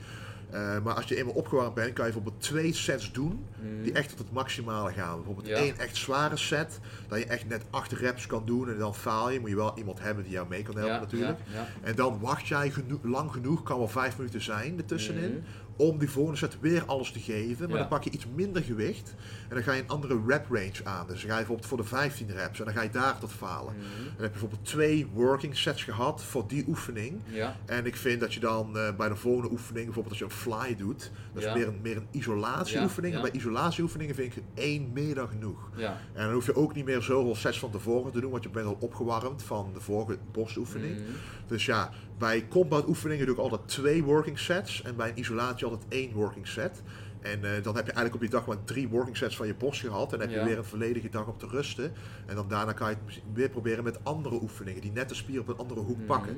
Dus eh, dat ligt er ook aan hoeveel je slaapt, eh, hoeveel je kan slapen, hoeveel Ja. je kan eten en dat soort dingen. Maar meestal heeft, voor mij persoonlijk is, heeft het altijd goed gewerkt op die manier. En dus je hebt soms dagen dat je maar drie werksets per voor een spiergroep doet. Ja, als je een full body schema doet wel. Ja. Bijvoorbeeld ik doe wel echt voor borst doe ik, eh, vier à vijf compound oefeningen. Ja, precies. En dan- sloop je hem echt helemaal. Dan sloop je wel echt, Ja. maar dat komt ook omdat ik heb ook de mogelijkheid om veel meer te kunnen rusten. Ja. Ik eet ook superveel en ik weet ook Mhm. precies eh, hoeveel ik aan kan dat ik nu al heel veel jaren train. Dus ik weet ook, als ik nou nog een set doe, ik voel toch niks meer. Het heeft geen zin meer, maar het brengt Mhm. alleen maar extra herstel met zich mee, wat eh, onnodig is. Ja. Dus op een gegeven moment heb je die ervaring ook wel, dat je op een gegeven moment niet meer over de top eh, gaat. Wat ik vroeger wel altijd deed. Ik deed echt altijd eh, Ja. iets te veel volume dan nodig was, maar daar moet je ook gewoon van leren. Ja, Dus, dat is voor onze luisteraars ook, denk ik, als je inderdaad te veel tot failure traint, dat is natuurlijk ook voor je zenuwstelsel Ja, best ja, wel klopt. een, eh, een Ja. impact. En die moet natuurlijk ook herstellen. Ja, Ja, Eigenlijk, je moet zo bedenken, als je te veel te, eh, naar failure gaat, dan kan je de volgende keer dat gewicht niet meer verslaan. En dat is het Nee. uiteindelijk het doel. Dan versla je eigenlijk jezelf daarin, want je wil altijd kunnen verbeteren. En als jij en dat altijd nog failure gaat, heb je gewoon een week nodig onderhand om Mhm. te herstellen daarvan. En je wil binnen een paar dagen wil je weer zoiets kunnen doen en daar, dat kunnen verslaan wat je de vorige keer deed. Dus zeg jij dan voor onze luisteraars als advies, hou één of twee herhalingen over, zeg maar, in de tank, zeg maar. Mhm. Dat je dus tot eh ja, 95% traint of zo? Ja, dat zou ik inderdaad eh, op het begin wel doen. En dan heb je bijvoorbeeld een periode dat je dat een paar weken doet. En dan heb je bijvoorbeeld een peak week. eh, wat ook heel veel mensen doen. En dan in die peak week ga je wel naar failure bij Ja. alles. En, maar dat is maar één week. Dat je weet, Ja. oké, dit gewicht kon ik doen. Dan heb je dan vastgesteld. En dan ga je Ja. weer met een andere stre- eh, schema beginnen. Met Ja. net wel andere oefeningen. En dan ga je weer opnieuw beginnen. En Ja. dan heb je iedere keer werken naar zo'n peak week toe. Zodat je niet dus maanden achter elkaar naar failure traint. Maar gewoon een paar Ja. weken. Inderdaad die één of twee reps in reserve houdt. Ja. En daarna pas die ene week Ja. echt naar failure gaat, zeg En maar. dan heb je ook weer een mooi eh, meetpunt voor je progressie die je gehaald Ja, hebt. Om dan precies. weer daar naartoe te werken. Ja, klopt, ja. ja. Ja, en dan dan hebben hebben we het over het aantal sets, zeg maar. Maar die, het is altijd een heel eh, ja, discutabel iets met herhalingen en dat soort dingen. Fluctueer je in een training ook met herhalingen? Of zeg je gewoon, ik doe zoveel herhalingen elke set? Nou, om een voorbeeld te geven. eh, ik doe bijvoorbeeld op de Smith Machine een incline eh, bench press. En die is een van mijn favoriete oefeningen voor de borst. En ik schrijf dan inderdaad precies op. De vorige keer, vorige keer deed ik bijvoorbeeld 8 reps met 180 kilo bijvoorbeeld. Nou, dan wil ik deze keer wil ik minimaal 1 rep meer. Dus dan, voor mijn gevoel is het dit keer, oké, dit keer moet ik 9 reps doen. En ik heb altijd twee verschillende rep ranges. Dus de ene rep range tussen de 6 en de 10 reps. En de andere tussen de 15 en de 20 reps. Dus ik kan bijvoorbeeld hebben dat ik bij die set na die 9 reps van 180 bijvoorbeeld eh, heb staan. Ik deed de vorige keer 15 reps van 140. Wil ik dit keer wil ik 16 reps gaan doen. Dus dan heb je twee rep ranges die ik altijd vast heb staan. Dus ik weet wel van tevoren, oké, zoveel reps moet ik eigenlijk kunnen doen. Binnen die range, zeg maar. Ja. En dan wil ik gewoon kunnen verslaan. En op een gegeven moment kom jij met dat gewicht boven die range terecht. En dan moet je het gewicht gaan verhogen. Om weer binnen die range te blijven, zeg maar. Oké. Dus op die manier heb ik het een beetje gedaan. En die rep ranges die komen dan weer een beetje overheen waar je in het begin over had. Dat één is vooral voor de mechanische schade, Ja. hè, dus voor die progressieve overload. En die andere is meer die metabole schade, echt die spierpomp, helemaal oppompen. Ja, precies. Ja, Dan heb je precies. een beetje twee vliegen in één klap eh, Ja. binnen een training. Beste van beide werelden. Ja. Ja. eh, ja. Nou, duidelijk. En we hadden het net al, denk ik, eh, nou, ik denk dat het best wel duidelijk is over voeding en eh, training. Ja, ik wil nog wel één ding over Ja? training en hypertrofie weten. Want wij zien natuurlijk als fysiotherapeut als iemand geopereerd is. En dan heeft iemand eh, heel erg spierafname. En we weten dat ja, spieren, de kwaliteit van leven, dat is heel erg belangrijk. Ja, dus iemand moet spiermassa hebben. Wat zou je adviseren voor fysiotherapeuten die ook veel naar deze podcast luisteren? Eh, wat je als minimale effort, hè, want de meeste mensen willen helemaal niet zoveel doen. Die willen zo min mogelijk doen, Ja. maar toch dat doel bereiken. Wat zou je Ja. dan zeggen van, oké, als je toch hypertrofie wil bereiken, een, een oud omaatje of een, die toch iets van spiermassa wil aankomen, Ja. wat zou je dan doen?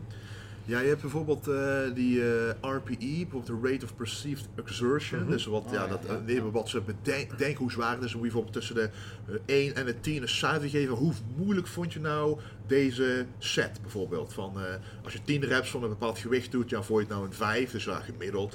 Of vond je het echt een 9, wat echt super zwaar was. Ik vind wel dat als jij in, eh, voor spiergroei wil gaan, moet je wel rond die 8 zitten, vind Mhm. ik. Ja. Dus dat is voor iedereen persoonlijk anders. Dus ja, je kan aan de buitenkant kan je het eigenlijk moeilijk zien. ja. Als ik mezelf op de video bekijk, denk ik van ja, dat, dat leek best makkelijk. Maar ik wist op dat moment ging het echt super moeilijk. Ja. Dus iemand aan de buitenkant kan er voor jou niet bepalen hoe moeilijk het voor jou was. Dus ik vind voor jezelf moet je dan rond die 8 zitten. Wil jij echt die hypertrofie eh, range bereiken eigenlijk? Want dan is het zwaar genoeg. Nog niet dat je helemaal all-out gaat, maar wel zwaar genoeg om in ieder geval een bepaald impuls te geven voor je spieren. Want als je daaronder zit, dan is het meer voor ja, herstel in het algemeen om meer eh, bloedflow te krijgen zeg maar, bij die spieren en die pezen, maar niet echt voor spiergroei. Dus je moet wel rond die 8 zitten, wil je echt eh, sterk genoeg een impuls gaan geven. Nou, ik denk dat wij het daar wel mee eens zijn dat we inderdaad, eh, wat we hiervoor al zeiden, dat veel fysiotherapeuten ook misschien een beetje bang zijn om mensen te belasten. Uh-huh. Maar ik denk inderdaad dat ook, het maakt niet uit hoe oud iemand is, al doet iemand het met 2 of 3 kilo dumbbells. Als het maar gaat om die eh, bepaalde niveau van hoe zwaar het aanvoelt, Precies, dan gaat ja. iemand denk ik vooruit. Ja, Ja. en als je die regels in stand houdt van progressieve overload, steeds Ja. ietsjes Ja. beter. Ja, En dat kan natuurlijk inderdaad een halve kilo zijn, of eh, zoals je bij jou veel sneller gaat waarschijnlijk. Ja. Maar eh, dat dat heel erg belangrijk is om aan te houden voor fysiotherapeuten. Ehm, dus die progressieve overload staat dan eigenlijk weer ja, centraal. Ja, zeker. maken. Ja, Ja. ja. Oké. Nou, ik denk dan nog inderdaad als laatste wat nog wel eh, interessant over eh, die motivatie. Ehm, volgens mij is je vriendin ook zwanger, toch? Dacht ik op, Ja, eh, dat klopt, ja, ja, ja. Gefeliciteerd. Ja, dankjewel. Ehm, en is, wanneer is, is, zij, is dat ongeveer rond de Mr. Olympia? Dat het, Ja, dat is eh, wel een paar weken voor de Olympia Ja, officieel gezien. Dus ik hoop eigenlijk dat die Olympia een beetje verzet wordt. ja, Dat zou voor mij goed uitkomen. Maar eh, als het goed is heb ik sowieso nog wel een tijdje voordat ik daar weg moet eh, om erbij te zijn. ja. Als het goed is, eh, 24 augustus. eh, Want we hadden het in de auto, zaten inderdaad, we hadden het er even over van, hè, voor jou is inderdaad jouw leven is ehm, hè, ook hè, met je werk, wat ook in de gym is en is alles daarop toegespitst. Ehm, maar goed, inderdaad, als je een kind krijgt, dan krijg je ook te maken met inderdaad misschien korte nachten of Ja. je moet eh, voor bepaalde verplichtingen. Ja. En ik denk ook dat dat voor onze luisteraars thuis eh, vaak het geval is. Hè? Mensen die willen trainen, die wel een hele drukke baan hebben Ja. overdag of die kinderen hebben. Ehm, heb je daar al over nagedacht? Of heb je iets van dan ga ik misschien meer plannen? Of, Ja, ik denk wel dat er een betere planning voor nodig is, inderdaad. Omdat je dan, eh, wat je zegt, kortere nachten is voor mij dan het allerbelangrijkste om mee rekening te houden. Want ik Ja. vind, als je niet genoeg slaapt, dan ga je, maakt niet uit hoe goed jouw voeding of training Ja. is, je gaat gewoon niet vooruit. Dus daar moet ik wel rekening mee houden. ja, Maar tegelijkertijd, mijn motivatie is niet altijd alleen voor mezelf, maar juist Mhm. eigenlijk ook voor anderen. Eh, ik heb ook mijn eigen bedrijf en juist ik wil dat bedrijf dat het goed gaat doen, zodat ik anderen kan voorzien in gewoon wat het, de op, wat het bedrijf oplevert, zeg maar. ja, Daar wil ik anderen ook blij mee kunnen maken. En daar heb ik Mhm. nou, het is precies hetzelfde. De motivatie die ik dan heb, is ik doe de Olympia niet alleen maar voor mezelf, maar ook Ja. voor eh, het kind dat we krijgen natuurlijk. ja, Dus eh daar gaat, dat is voor mij motivatie alleen maar een positief ding. Maar dan heb je wel het praktische zaken natuurlijk, dat je moet rekening houden met je slaap en eh, Ja, gewoon de ja. extra moeite die je dan Mhm. steekt daarin. Maar ja, ik heb van tevoren natuurlijk bewust de beslissing gemaakt dat we er eentje krijgen. En ja, eh, ja. daar heb je natuurlijk al over nagedacht. En voor mij, in mijn hoofd gaat daar niet zo'n erge barrière zijn dat ik Nee. niet met mijn bodybuilding carrière doorga. Voor mij gaat het alleen maar een extra motivatie Ja. opleveren. En het is inderdaad, het vereist gewoon planning om Ja. te weten, oké, eh, die nacht, dan moet je gewoon met samen afspreken, oké, die nacht ga jij eruit en die nacht ga jij Mhm. eruit. En dan weet ik, oké, als ik die nacht eruit moet, moet ik weten, oké, de volgende dag moet ik in de avond pas gaan, eh, gaan trainen, dat ik overdag misschien iets meer kan Ja. rusten bijvoorbeeld. ja. Ja. Want Hoorde- jullie hebben een... eh, Ik hoorde wel een stille hint al daar vandaan eh, komen, maar... eh, nee, grapje. Want jullie hebben ook een familiebedrijf, toch? Met de Vintage Ja. Genetics. Ja, dus klopt. dat, ja. is eigenlijk, dat gebruik je dan dus als motivatie, omdat Ja. je natuurlijk ook het boegbeeld daarvan ja, bent. klopt. Eh, tijdens je training Ja. en eh, ja, om dat bedrijf ook groter te maken. Ja, zeker. Want ik weet gewoon, eh, in het bedrijf, eh, mijn, ja, eigenlijk mijn ouders en mijn broer en eigenlijk iedereen helpt er heel erg aan mee. Maar ik besef ook, als ik geen wedstrijden win en als Ja. ik niet meer relevant ben op social media, dan is het bedrijf er ook niet meer. Ja, ja, dus ik, daarom doe ik ook mijn best om, eh, Ja. hoe beter ik, bijvoorbeeld als ik de Mr. Olympia zou winnen, Mm, dan zou dat natuurlijk ook heel goed zijn voor het bedrijf. ja. Ja. Dus dat brengt Ja. mij ook weer een extra motivatie Ja, met zich mee. precies. Dus hoe zouden we dat voor onze ja, luisteraars thuis kunnen... Nou ja, misschien is het interessant eh, van- om van jou te horen qua lifestyle, zeg maar. We weten dat het slaap heeft enorm veel invloed op eh, je presteren en dat soort dingen. Als je één factor hebt waar mensen zich vooral op moeten focussen, welke zou je dan zeggen? Is dat voeding? Is dat slaap? Is dat, nou, dat kan je natuurlijk niet zo hard zeggen, maar als mensen prioriteiten moeten stellen, is er dan een soort van piramide? Focus je hierop. Is het de training? Is het het slapen? Is het Ik, het... ik, vind, eh, ik vind eigenlijk dat training eh, onderaan staat. Oké, Eh, dus want, minst ja, iedereen kan wel een keer trainen, maar het maakt dan niet zoveel uit of je nou drie keer of vier keer traint. Eh, dan vind ik eh, daarna, ja, dan vind ik heel erg te twijfelen eigenlijk tussen voeding en slaap. Want ik vind eh, als jij gewoon een leek bent en je weet ongeveer wel waar de eiwitten in zitten en je krijgt dat binnen, dan haal je er wel 80% profijt uit. Want meestal is een perfect dieet, dan haal je net die extra paar procent uit qua, qua eh, voordeel. Mhm. Maar slaap, als je daar tekort van hebt, er is niks wat dat kan vervangen. Hmm. Niks. Dus ah, als je niet genoeg slaapt, als je maar vier uur per nacht slaapt, dan maakt het gewoon niet uit wat je doet. Dan gaan jouw spiergroeiwensen, die gaan eh, een beetje de vuilnisbak in, Ja. zeg maar. En in Ja. je training is je automatisch achteruitgang. Precies, Als je alles zit de achteruit. Je hebt je motivatie gaat achteruit. Ja. Je, ook gewoon hoe je je voelt. Je voelt je niet energiek. En dus als jij wel die acht uur kan behalen, dan gaat alles in één keer beter. En dan wordt het trainen en de voeding ook in één keer makkelijker. Ja. Dus je gaat meer motivatie krijgen doordat je uitgeruster bent. Het heeft gewoon een heel domino effect eigenlijk wat daar eh, Ja. achteraan komt. Ja, slaap is niet voor niets een fysiologische basisbehoefte. Natuurlijk naast eten en drinken Ja. is dat Ja. gewoon Ja, ja, soms- vereiste voor Ja. eh, iets te kunnen doen. Ja. Volgens mij kan je langer zonder eten leven dan zonder Ja, slaap. ja, Want zonder ja, slaap ben je al lang eerder, eh, Ja. eerder eh, de pijp Ja. bijt. Dus als ik dat een beetje moet samenvatten, maar zeg als het niet goed is, dan heb je liever dat mensen zich eerst focussen op een goede levensstijl. Ja. En dat dat allemaal op orde is. Ja. En vanuit daar werken aan het steeds specifieker maken van trainen, voeden, Ja, eh, dat soort dingen. klopt ja. Ja. ja. Dat is wel interessant. Ehm, ik had ook nog een paar ehm, vragen van, eh, ja, hoe noem je dat? Van mensen vanuit social media. Ja, ja. Eentje die vroeg, eh, vanuit de fitnesswereld heb ik veelal gehoord, om sterker en groter te worden, moet ik vooral oefeningen doen die meerdere spiergroepen tegelijk aanspreken. Eh, maar moet je per se bijvoorbeeld een squat in je programma hebben om groter en sterker te worden? Of kun je ook alternatieven doen zoals lunches en dat soort dingen? Dus stel een squat gaat niet, kun je dan op andere manieren eromheen werken? Of is die squat echt zo belangrijk? Nee, de squat wordt meestal echt door heel veel mensen eh, als een holy grail gezien Ja. voor hun benen. Maar ik ben het er eigenlijk niet echt mee eens. Voor, voor mezelf, ik heb al... Eerst was echt mijn doel om de back squat gewoon zo zwaar mogelijk te doen. Gewoon de traditionele squat. Maar ik merkte gewoon, als jij op een bepaald gewicht komt, dan gaat het niet meer je benen aanspreken, maar ook je zuurstofgehalte en jouw onderrug, zoals ik al zei.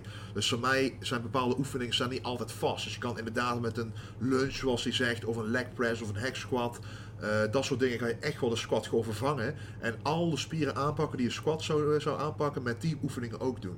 Dus ik vind echt dat, het, eh, dat je die andere oefeningen ook gewoon kan doen in Ja. je benen. Dus dan kom je weer terug een beetje op het verhaal waar je het net over had. Als je die basisprincipes gewoon weer aanhoudt op Ja. andere oefeningen, dan Ja. kun je hetzelfde resultaat waarschijnlijk ik eh, Ja. Ik bereiken. denk als inderdaad voldoende belasting op een spier komt, of dat dan inderdaad de benchpress is of een fly, of dat dat dan isolatie is. Ja, als je de borstspier dan genoeg Als prikkelt, dan gewoon spanning op de spier Ja. geeft. Klopt, ja. denk ik, Dan, eh, ja, ja. ja. Ja, toch?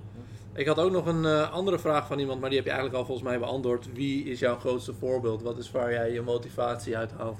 Ja, Arnold uh, Schwarzenegger natuurlijk. eh, niet, ik krijg heel veel mensen op het begin dachten dat ik hem wou kopiëren. Maar dat kan niet. Als je iemand Mm, kopieert ja. ben je altijd slechter natuurlijk. Maar ik vind gewoon hoe hij zich eh, presenteerde vroeger als ik gewoon naar zijn poseerroutines kijk. Ik dacht, als iemand dat vandaag zou doen, dan zou hij gewoon gelijk de winnaar zijn. Ook al, ook al wou, zou hij niet eens het beste fysiek hebben. Hoe hij zich zo presenteert op het podium, dat kan Mhm. niemand, zeg maar. En daarom heb ik ook naar zijn poseerroutines Ja. gekeken en kijken hoe hij die poses doet. En dat is nog moeilijker dan je denkt. Je denkt, oh, ik doe eens even na, maar dat is echt niet zomaar gedaan. Ja, Dus je weet dan ook, als je het zelf ervaart, hoeveel nog meer erachter zit dan je denkt. ja. En dan krijg je ook meer respect voor wat hij allemaal heeft gedaan. Als bodybuilder alleen al. En ja, we weten allemaal wat hij daarna heeft gedaan. Maar eh, En is dat een bepaald charisma inderdaad, of een soort van zelfvertrouwen waarmee je dan inderdaad je lichaam toont op het podium? ja, het is, het is echt heel veel zelfvertrouwen. En gewoon uitgevoerd tot in de perfectie. Je ziet dat er zoveel oefening aan vooruit is gegaan. En gewoon, ja, poseren is gewoon zo belangrijk. En vroeger was het veel belangrijker dan nu. Het komt nou Mhm. wel een beetje weer terug. Maar ik vind dat is de essentie van bodybuilding. Mhm. Om jezelf met bepaalde poses zo goed mogelijk te laten zien. Je sterke punten eruit te laten komen. Je Ja. zwakke punten te, eh, eigenlijk te verstoppen op die Ja. manier. Dat vind ik wat bodybuilding is. Mhm. Dat is gewoon de illusie wekken dat je gewoon perfect bent. Ja. Terwijl niemand dat is. Dat is Nee. onmogelijk. Maar zo laat je het wel zien dat je er alles aan hebt gedaan. En is hij ook, eh, dus, dus over Arnold, is hij ook inderdaad een, eh, een inspiratie dat je nog eh, ambities hebt om inderdaad ook misschien eh, een, eh, de acteerwereld in te Ja. gaan? Of hij heeft natuurlijk heel veel gedaan. Ja, klopt. Eh. de filmwereld, hè, dat soort... eh, Ja, want kijk, hij was al heel jong Mr. Olympia. En Ja. ja, hij had toen eh, zeven keer gewonnen. En dan kan je zeggen van ja, ik ben er eigenlijk wel klaar mee. Ja. Ik kan wel naar het volgende. maar voor mij is dat nog niet zo. mhm. Ik wil natuurlijk eerst ook die Mr. Olympia Ja. winnen. En het liefst ook een aantal keer. En dan pas denk, je, denk ik als je op dat niveau bent, dan kan je beslissen, nou ben ik er klaar mee of niet. Of vind ik het nog gewoon te leuk. Want ik eh, denk dat ik wel heel veel meer kan nog. Mhm. In deze community, in deze industrie. Dat ik niet per se nog naar een andere industrie hoef. Nee. Maar ik vind het wel heel interessant in ieder geval. Ja. niet dat ik het uitsluit. Ja. Nee. Ja, cool. Ja. Ehm, ik heb nog één vraag. Hebben jullie nog dingen? Of? nee, ik, Nee, ik ben nog wel benieuwd. eh, heb jij blessures gehad waardoor Ja, je niet dat kon trainen? En hoe ga je daarmee om? Eh, ik heb eigenlijk nooit een echte blessure gehad, maar wel laatst nog een eh, kleine ble ja, blessure, weet ik niet of ik kan noemen, maar in mijn onderrug, toen ik een leg press aan het doen was. Ik zette mijn voeten namelijk te hoog weg Mhm. en ook te breed. En als ik dan zo diep mogelijk wil gaan, op een gegeven moment komt je onderrug van het bankje ja, af. En, ja, en dan, rollen. rol, en dan, en dan Ja. maakt die bol. En toen in één keer kreeg ik zo'n enorme steek in mijn, waar je onderrug eigenlijk je ruggengraat in je bekken gaat. Mhm. Dat gedeelte, dat, dat, ja, daar kreeg ik gewoon echt een enorme pijnscheut in. En ik wist gewoon gelijk, ik, had, ik herkende die pijn van vroeger. Ik ook wel eens gehad bij een squat toen ik nog niks over bodybuilding wist. Gewoon zo zwaar, zo zwaar trainen als ik kon. En Mhm. Verkeerd natuurlijk. Dus toen kreeg ik het ook een keer. En toen kwam het, dat is eigenlijk nooit meer weggegaan. Want ik weet, ik, een normale deadlift kan ik eigenlijk ook niet meer super zwaar doen. Qua risico daarvoor. Ja. Dus ik, ik ga er wel mee om dat ik kijk, oké, die oefening zoals een deadlift, ik kan hem wel eh 20 reps gaan doen. Maar als ik bijvoorbeeld echt voor die zware reps ga, Mhm. waar je echt boven de 200 kilo gaat, op een gegeven moment, dan gaat mijn onderrug daar gewoon niet leuk vinden. Ja. En ook met de leg press, ik weet, ik had mijn voeten te hoog gezet en nu zet ik ze wat lager, wat dichter bij elkaar, zodat ik fysiek letterlijk niet eens meer lager kan, dat mijn onderrug van, die, eh, van het bankje afgaat. Dus dat is een, eigenlijk een beschermingstoel voor mezelf, dat ik die fout weer voorkom. Ik heb wel veel geleerd daarvan, want als mijn onderrug het niet meer doet, dan is mijn bodybuilding eh, training zijn eigenlijk wel voorbij. Want je kan niks meer oppakken van de grond. Ja. Dumbbells oppakken kan niet meer. Je hebt altijd iemand nodig. En het voelt gewoon echt alsof je bijna gehandicapt bent in de Ja, sport. ja. En daar wil je gewoon zo graag niet dat je eerder voorzichtig bent. Iets lichter pakt. Gewoon iets beter in de spier komen. Ja. Dan maar zo zwaar mogelijk trainen en de risico's gaan nemen. Ja. Ja, want dat is wel. eh, ik behandel ook een aantal mensen die eh, gewoon amateur bodybuilding of eh, zeg maar op, die, op dat niveau. Uh-huh. Maar je ziet best wel veel overbelasting en paceklachten. Ja, ja. Ehm, maar zoals ik jou hoor, is jouw oplossing dus niet gelijk helemaal stoppen. En hè, waar, waar we het nee, net nee. ook over hadden, maar meer kijken van hey, wat kan ik wel? En daar eigenlijk vanuit omheen trainen. Ja. Ja. Ja. Ja, over die pace nog gesproken. Ik heb altijd heel erg last gehad van mijn linker bicep pace. Die eh, distal bicep tendon in het Mhm. Engels. Ik weet niet wat het in het Nederlands is. Maar daar, ja. Ja, en, eh, maar daar heb ik heel lang last van gehad. En dat kwam gewoon niet door een bicepoefening, maar door rugoefeningen verkeerd te doen. Dus dat, dat ik bijvoorbeeld een lat pull-down eh, of een eh, V-bar pull-down gewoon veel te dicht naar mijn borst liet gaan. Waardoor je eigenlijk gewoon eigenlijk een soort bicep curl doet, maar je arm in plaats van veel lager, dat je bicep minder geactiveerd is. En als je dat dus met super zware gewichten gaat doen, dan zit je bicep onder zoveel stress, dat die pace die je bij iedere rep wordt die gewoon gebruikt en heel zwaar gebruikt. En op een gegeven moment ging het nog wel fout. En toen heb ik het zelf proberen te revalideren door eigenlijk een negatieve rep training te doen. ja. Ja. Dus bijvoorbeeld op een, eh, op een barbell curl of een, eh, een seated curl op mijn machine. Met twee handen ga ik omhoog en met één hand ga ik naar Ja. beneden. Zodat die andere arm hoeft die positieve rep niet te doen. Maar de negatieve rep doe je wel. En het gewicht hoeft niet zwaar te zijn, want als je heel langzaam naar beneden gaat, dan wordt het automatisch super zwaar. En eh, dat, heb ik, dat heeft wel heel goed geholpen voor, om die bloed toch daarin te krijgen zonder die pijn eh, te krijgen, zeg maar. Ja, perfect. Ja, Dus we hebben weer de juiste spanning op de spieren inderdaad. ja precies. Ja. Ja. Nou, mooi. Ja, cool. Ik, eh, ik heb alles gevraagd wat ik wilde vragen. Ja, ik ook. Ik ook. Ja, en nogmaals super thanks dat we hier eh, Ja, dank, mochten zijn. Het was leuk. eh, Ja. Leerzaam denk ik ook voor Ja, ons en zeker. voor onze luisteraars. Zeker. En, eh, Waar kunnen mensen jou via volgen? Eh, iedereen kan me volgen op YouTube Vintage Genetics. eh, op Instagram Wesley Vissers. En eh, ja, dat was het eigenlijk wel. Die twee zijn het Maar je geeft ook begeleiding aan online begeleiding en dat soort dingen. Dat Ja. is misschien ook wel interessant voor mensen als ze zeggen van hey, ik wil hier ook verder mee. En... Ja, ik heb inderdaad ook gewoon coachingpakketten, voedingsschema's, trainingsschema's. En die staan op vintagegenetics.com. Dat is eigenlijk mijn kledingwebsite, maar er staan ook alle, alle schema's op die ik beschikbaar heb.